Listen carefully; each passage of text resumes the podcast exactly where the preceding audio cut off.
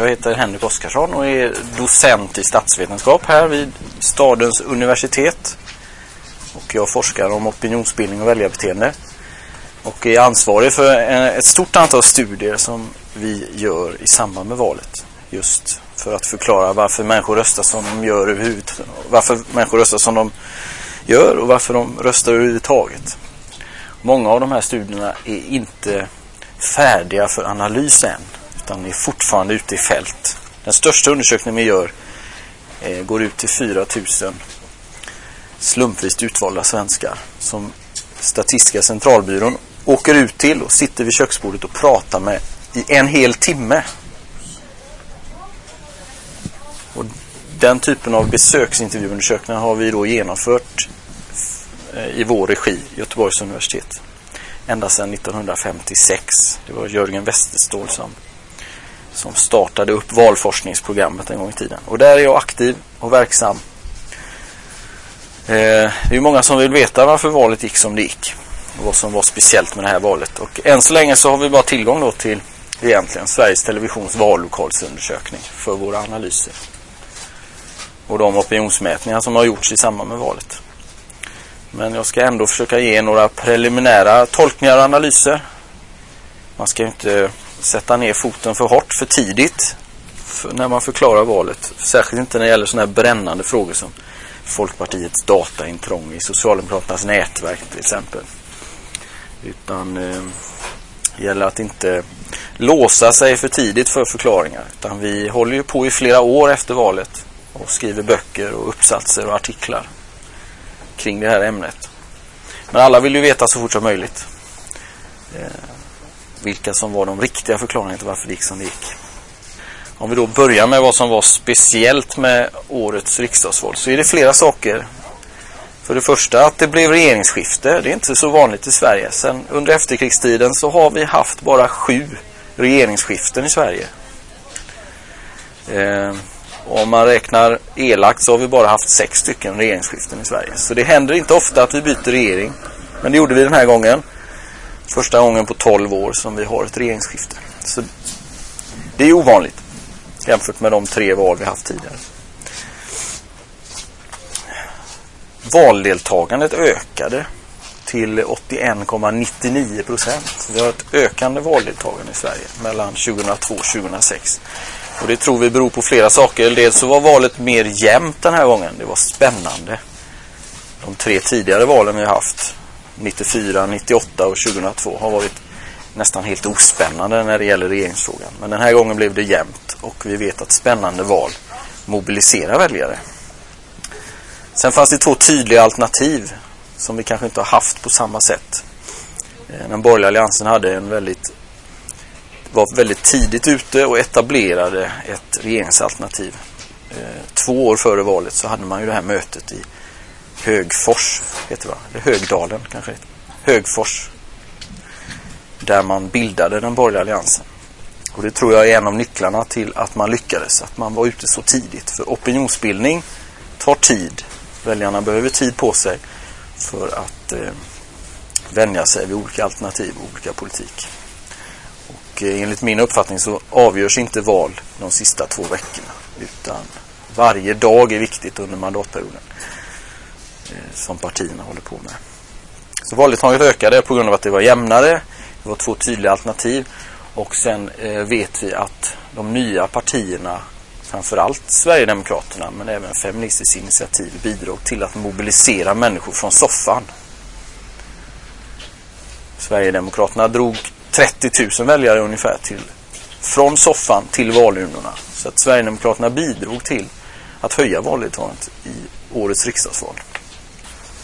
När det gäller långsiktiga förklaringar, jag gillar de långsiktiga förklaringar. Jag tror inte att val avgörs nära, tätt in på valen. Utan den här gången kunde vi se att eh, redan i november 2005 så var eh, ställningen mellan de två blocken väldigt jämna. Det var väldigt jämnt. Och egentligen har det inte hänt någonting från november 2005 fram till valdagen. Det hände ingenting och det var lite speciellt i årets val. Det var väldigt små förändringar under valrörelsen när det gäller partiernas styrkeförhållanden. Ni kommer ihåg eh, 98 så ökade Kristdemokraterna och Vänsterpartiet väldigt mycket under valrörelsen. 2002 vet ni att Folkpartiet gick från 4 procent tidigt i augusti till 13,3. På bara några veckor lyckas man tredubbla sig. Och det har varit några sådana här borgerliga raketer under årens lopp. Men eh, i den här valrörelsen så var det inga sådana stora förändringar.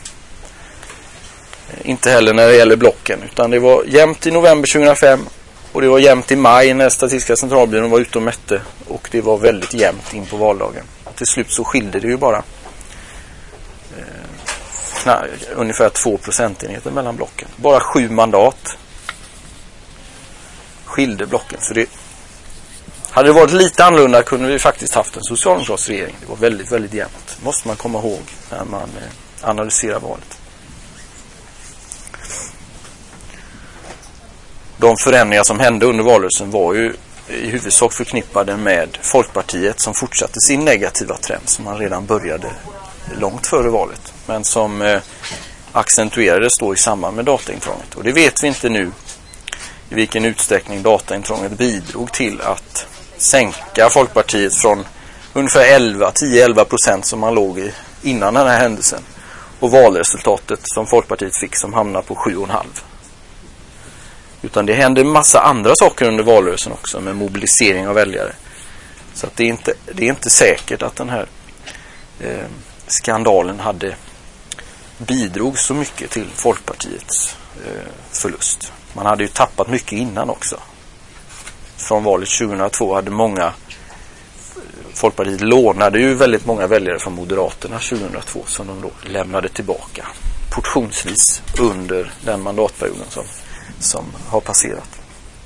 Så det är för tidigt att säga om eh, intrånget orsakade en procentenhets tapp för Folkpartiet eller två eller kanske tre. På det hela taget om man ser på systemnivå så är det ju knappt så att väljarkåren har darrat på manschetten. Vi pratar om väldigt små förändringar för ett ganska litet parti, Folkpartiet. Så att om man ser det politiska systemet som från ovan med lite helikopterperspektiv så är det här lilla tappet på grund av dataintrånget ganska marginellt. Så man ska inte dra för stora växlar på det. Varför förlorade då regeringen? den socialdemokratiska. Man hade alltså de ekonomiska indikatorerna stod väl bättre än vad de har gjort kanske sedan 1960-talet. Vi hade en eh, rekordlåg ränta, rekordlåg inflation, eh, hushållens köpkraft växer med 4% i år. Alla får det bättre i plånboken. Och inte Sveriges finanser är sanerade och inte minst vi hade en tillväxt i ekonomin andra kvartalet på 5,5 procent. Givet vad vi vet om sannolikheterna för att en regering faller när de ekonomiska indikatorerna står som de gjorde så är det väldigt, väldigt ovanligt att sittande regeringar väljs bort i ett sånt, i ett sånt ekonomiskt läge. Men svenska folket valde ändå att rösta bort Socialdemokraterna. Och vad beror det på? Jo, jag tror ju på de långsiktiga förklaringarna eh, som jag sagt. Och eh, det är, dels har vi sett ett trendbrott ideologiskt i Sverige för ungefär två år sedan. Att det var relativt sett fler människor som placerar sig till höger i politiken än till vänster. Vi har haft en, eh, en vänsterorienterad väljarkår ungefär från perioden 1995 till 2004. Men hösten 2004 så hände någonting med de ideologiska konjunkturerna. Ett trendbrott. Så att nu är vi inne i en högervåg i Sverige. Och det är sådana här långsiktiga ideologiska konjunktursvängningar är förstås viktiga eftersom ideologi är den starkaste förklaringen vi har på varför människor röstar som de gör. Så att ju, om fler människor drar sig åt höger så börjar de naturligtvis rösta på partier som står ideologiskt nära dem själva. Det är den mest kraftfulla förklaringen vi har till väljarbeteende i Sverige. Svenska väljare är mer ideologiskt röstande än alla andra länders väljare. Så att den här vänster-höger-ideologi spelar väldigt stor roll i vårt system. Sen vet vi att från 95 och framåt har det varit ett växande missnöje inom välfärdsområdena. Skola, vård, omsorg. Så även om det har gått bra, svenskarna tycker att i min egen plånbok så går det bättre och bättre. Men för aktiebolaget Sverige, för land, nationens ekonomi så tycker man inte att det går bättre och bättre. Och när det gäller indikatorer som hur nöjd man är med sjukvården, hur nöjd man är med skolan och så vidare så har det inte blivit bättre utan missnöjet har snarare fortsatt att öka. Och detta är ju eh, klassiska socialdemokratiska eh, sakägarskapsområden. Alltså, Socialdemokraterna har haft under en väldigt lång tid ett eh, historiskt förtroendekapital just på de här områdena. Och det har man sakta, sakta, sakta eh, slösat bort då, skulle man kunna uttrycka det som, under de 12 år som har gått. Så nu får man betala priset för många av de nedskärningar och neddragningar man gjorde under 90-talet. Det, det får man betala nu i efterhand. En annan sån här långsiktig förklaring det är vi mäter ju varje år hur väljarna uppfattar, hur vi svenskar uppfattar att regeringen om, regeringen gör ett bra jobb eller inte. Och trots denna eh, fantastiska ekonomiska högkonjunktur vi haft, trots att alla har fått det bättre i den egna plånboken, så, så har regeringens eh, siffror när det gäller job satisfaction har, eh, har rasat un, under hela 2000-talet. 2001, 2002, 2003, 2004. Man har alltså tyckt att regeringen inte gör ett så bra jobb. Så att det här ironiska har då inträffat att vi fick inget maktskifte 2002 när ekonomin var lite sämre och det, fort, det fanns samma missnöje som idag. Det var kanske då vi borde fått ett regeringsskifte. Utan vi fick det nu istället 2006. Så att egentligen kanske det är 2002 års val som är konstigt när det gäller de här. Egentligen borde kanske Socialdemokraterna ha förlorat redan det valet. Skillnaden den gången var att de borgerliga partierna hade ingen gemensam, långsiktig, uthållig strategi för att hålla ihop, hålla sams och presentera politik. Den här gången spelade man högt och det uppskattar väljarna. Man satte egentligen sina partiorganisationer i pant. Vi skiter nästan hur det går för oss, var och en för sig. Nu har vi ett gemensamt alternativ. Moderaterna presenterar inte ens något eget moderat valmanifest. Och det har man aldrig gjort. Alla partier presenterar ju alltid valmanifest inför valet. Det gjorde inte Moderaterna den här gången. Istället så valde man att skriva ett manifest för alliansen. Så medan Centerpartiet, Folkpartiet och Kristdemokraterna gjorde sina egna valmanifest så struntade Moderaterna i det. De skrev ett valmanifest för alliansen. Man spelade högt och det kunde gått riktigt illa. Lite annorlunda om debatten hade varit lite annorlunda kanske. Göran Persson lite mer kraftfull möjligen. Om Socialdemokraterna hade haft eh, lite mer motargument i de frågor som valet kommer att handla om. Sysselsättningen så hade de borgerliga partierna kanske stått där måndagen den 18 september och hade förlorat valet. Fortsatt socialdemokratisk regering. Vad hade då hänt med de här borgerliga partierna? Man har satsat så högt. Det får, kommer vi aldrig få reda på, naturligtvis. Men det var så att säga det andra scenariot som vi hade framför oss. Varför lyckades då Alliansen? Jo, det är, jag tror det är en uppvisning i en skicklig, skickligt genomförd strategi inte bara att man formerade alliansen så tidigt som man gjorde utan att man lyckades visa för väljarna att man faktiskt kom överens i väldigt svåra frågor inför valet. Så man visade, åtminstone före valet, en regeringsduglighet. Sen gick det väl lite som det gick när regeringen väl bildades. Men man eh, lyckades övertyga svenska folket om att vi kan regera minst lika bra som Socialdemokraterna kan. Vi kan komma överens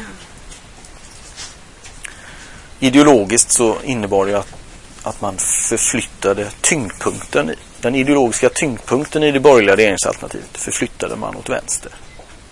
Det har ju varit de borgerliga partiernas största problem i de val vi haft tidigare, 98, 2002. Att tyngdpunkten ideologiskt har legat mycket längre högerut än vad de borgerliga väljarna står. Det moderata partiet har till och med stått längre till höger än sina egna moderata väljare. Så att avståndet till mittenväljarna, som ju är viktiga att vinna i de här sammanhangen, har varit alldeles för långt helt enkelt. Så det är det som har varit en av huvudstrategierna. Förskjuta tyngdpunkten i den borgerliga alliansen åt vänster. Och det lyckades man med. Och det är de flesta bedömare överens om att det är detta som har hänt. Det andra är att man tog strid i klassiska socialdemokratiska hemmaplansfrågor. Man kunde valt att ta strid i, i, eh, om ekonomin, men den gick ju så bra så det undvek man. Man kunde valt att eh, attackera dem när det gäller eh, vården och skolan. men man valde då ett klassiskt socialdemokratiskt hemmaplansfråga, eh, sysselsättningen. Kanske den där Socialdemokraterna haft ägt, haft sakägarskap under kanske hela efterkrigstiden. Och det här visste ju Socialdemokraterna om. Den här strategin målade man ju upp två år före valet. Sysselsättningen kommer att bli den stora valfrågan i 2006 års val.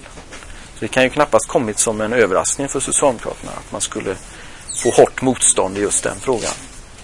Ändå lyckades man enligt min uppfattning då inte kontra här. Man lyckades inte återta initiativet man har haft i så många år i de här frågorna. Och det kan man ju fundera på vad det beror på. Antagligen så är det då en form, det är ungefär som väljarna har upp, upplevt själva att det har funnits en regeringströtthet. Väljarna har varit trötta på den regering vi haft. Men regeringen har också blivit trött så småningom. Att regera i 12 år.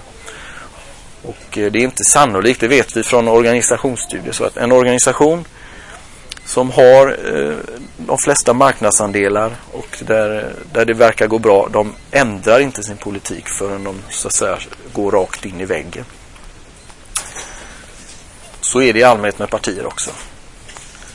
Moderaterna plöjde på i sina egna hjulspår ända fram till de åkte på en riktig brakförlust i 2002 års val. De tappade från 23 till 15 procent. Och Fredrik, eh, Fredrik Reinfeldt blev, blev moderatledare. Och en sån stjärnsmäll behövs för att partier ska orka förändra sin politik, förändra sin ideologi. Och nu i eftervalsanalysen kan man fundera då på när man hör Socialdemokrater analysera den egna valförlusten så verkar det inte som att man inser att man har åkt på en riktig stjärnförlust utan man eh, man förskönar lite grann den här förlusten. Så att många, framförallt då eh, sekreterare Marita Ulfskog, hon verkar inte tycka att de har förlorat överhuvudtaget. Det finns ingen probleminsikt än så länge. Men det kanske kommer fram till den extrainsatta kongressen i februari. Jag ska avsluta med eh, vad som var speciellt med årets val är ju också att an, andelen väljare som röstade på övriga partier har aldrig varit så stort som tidigare. Jag tror det var 5,7 procent av svenskarna. Det handlar om ungefär 350-360 000 väljare som slängde bort sina röster. De röstade på partier som alla visste inte skulle klara 4%-spärren. Eh, en stor del av de här väljarna röstade på Sverigedemokraterna. 162 463 personer valde att rösta på Sverigedemokraterna i riksdagsvalet. 2,9 procent. Och det blir en av de stora utmaningarna för oss eh, som forskar om detta. Att förklara hur Sverigedemokraterna kunde få så mycket röster. Man hade ju nästan ingen medieuppmärksamhet alls. Och eh, de kampanjer man bedrev gjorde man i huvudsak på lokal nivå. Och med relativt lite resurser ändå. Så att eh, vilka är det då som har röstat på Sverigedemokraterna? Ja, vi vet att hälften av Sverigedemokraternas väljare står i mitten i politiken. Och hälften av dem eh, står till höger.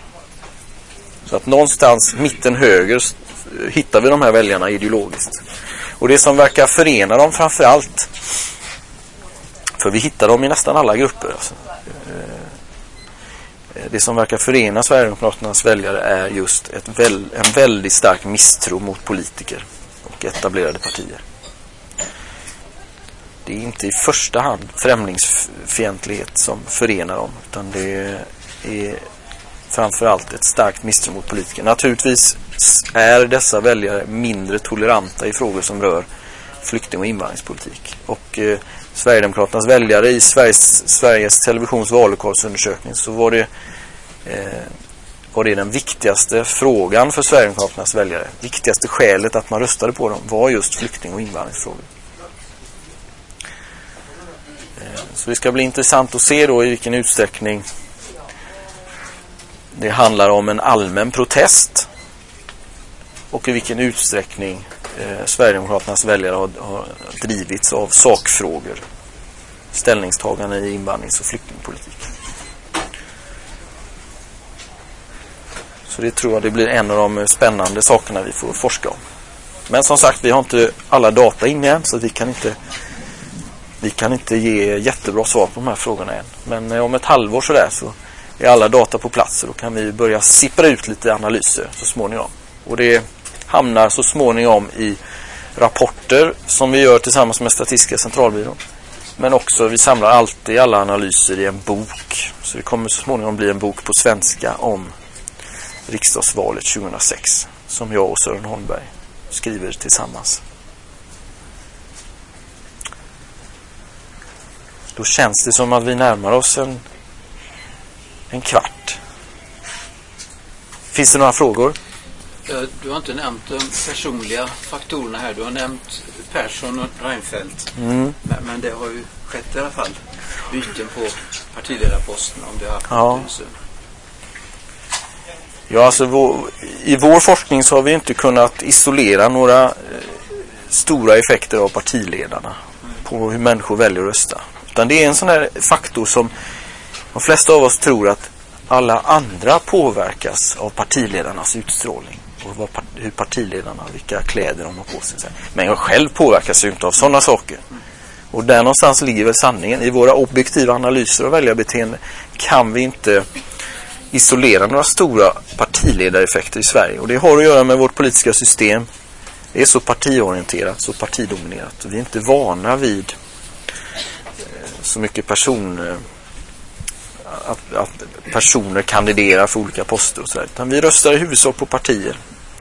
Och I Sverige verkar det vara så att det är budskapet är mycket viktigare än budbäraren. Så att när människor säger att Göran Persson inte var särskilt engagerad i valrörelsen. Att det var Göran Persson som sänkte Socialdemokraterna. Ja, vad menar man då? Antagligen är det så att eh, Göran Persson får då personifiera dels att man inte hade någonting att kontra med i sysselsättningsfrågorna sakligt. Men dels så får ju Göran Persson eh, personifiera den eventuella regeringströtthet som väljarna har upplevt med den sittande regeringen. Och det är ju så att eh, med den medielogik vi har, du kan inte du kan inte intervjua ett partimanifest. Så enkelt är det. Du kan bara intervjua personer. Du kan inte sätta ett partimanifest i en tv-soffa. Utan du måste sätta en person där. Så att medierna driver ju stenhårt att, eh, att det är pers- stora personeffekter. Stora, och det är personerna som spelar roll. Vi kan inte se det i våra undersökningar. Så vi försöker förtvivlat berätta detta för människor. Men det är ingen som tror oss. Alla tror ju att partiledarna är, är det viktigaste av allt. Någon mer fråga?